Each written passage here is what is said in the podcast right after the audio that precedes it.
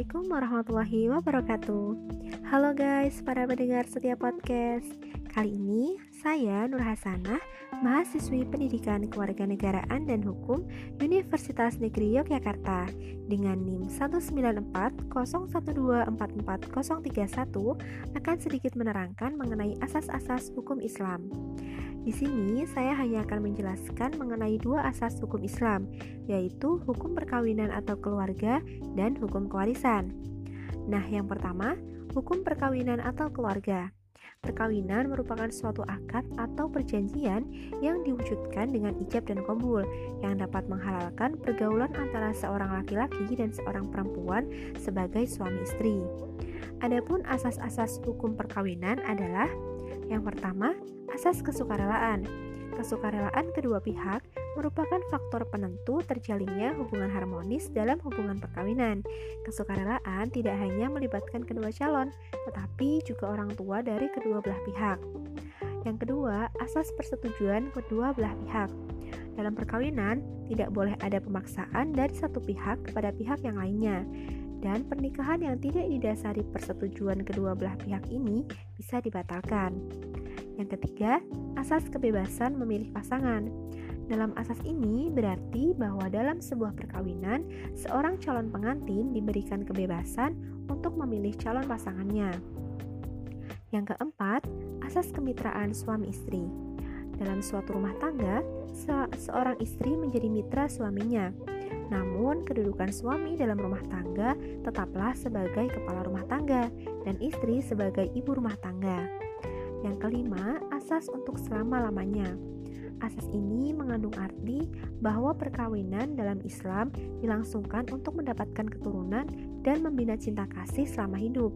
Atas dasar ini pula, perkawinan mut'ah dilarang dalam Islam. Yang keenam, asas monogami terbuka. Seorang suami boleh beristri lebih dari satu orang dengan syarat mampu berlaku adil. Pilihan beristri lebih dari satu dapat ditempuh apabila berada dalam keadaan darurat, seperti ketika istri tidak dapat memberikan keturunan, tidak dapat melayani suami karena sakit, dan karena alasan-alasan yang syarak yang lain, dan suami mampu berlaku adil. Nah, asas hukum Islam yang kedua adalah hukum kewarisan. Hukum kewarisan Islam adalah hukum yang mengatur segala sesuatu yang berkenaan dengan peralihan hak dan atau kewajiban atas harta kekayaan seseorang setelah ia meninggal dunia kepada ahli warisnya.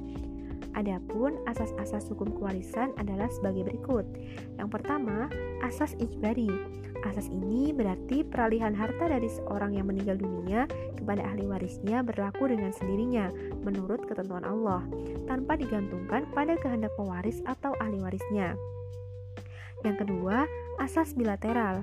Asas ini berarti bahwa seseorang berhak menerima hak kewarisan dari kedua belah pihak dari pihak kerabat keturunan laki-laki dan perempuan. Yang ketiga, asas individual. Harta warisan dapat dibagi-bagi kepada masing-masing ahli waris untuk dimiliki secara perorangan dan setiap ahli waris berhak atas bagian yang didapat tanpa terikat kepada ahli waris yang lain. Nah, yang keempat, asas keadilan berimbang. Asas ini berarti dalam pembagian waris harus ada keseimbangan antara hak yang diperoleh seorang ahli waris dengan kewajiban yang harus ditunaikannya. Itu yang menjadi sebab mengapa pembagian jumlah waris berbeda-beda. Yang kelima, asas akibat kematian. Asas ini menyatakan bahwa kewarisan baru ada ketika ada yang meninggal dunia.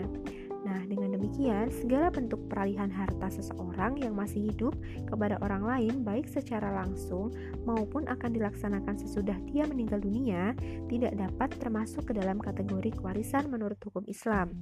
Begitu juga, hukum Islam tidak mengenal kewarisan atas dasar wasiat yang dibuatnya selama masih hidup. Nah, demikian sedikit pemaparan saya mengenai asas-asas hukum Islam, terutama mengenai hukum perkawinan atau keluarga dan hukum kewarisan. Semoga bermanfaat dan tetap semangat. Say goodbye dan wassalamualaikum warahmatullahi wabarakatuh.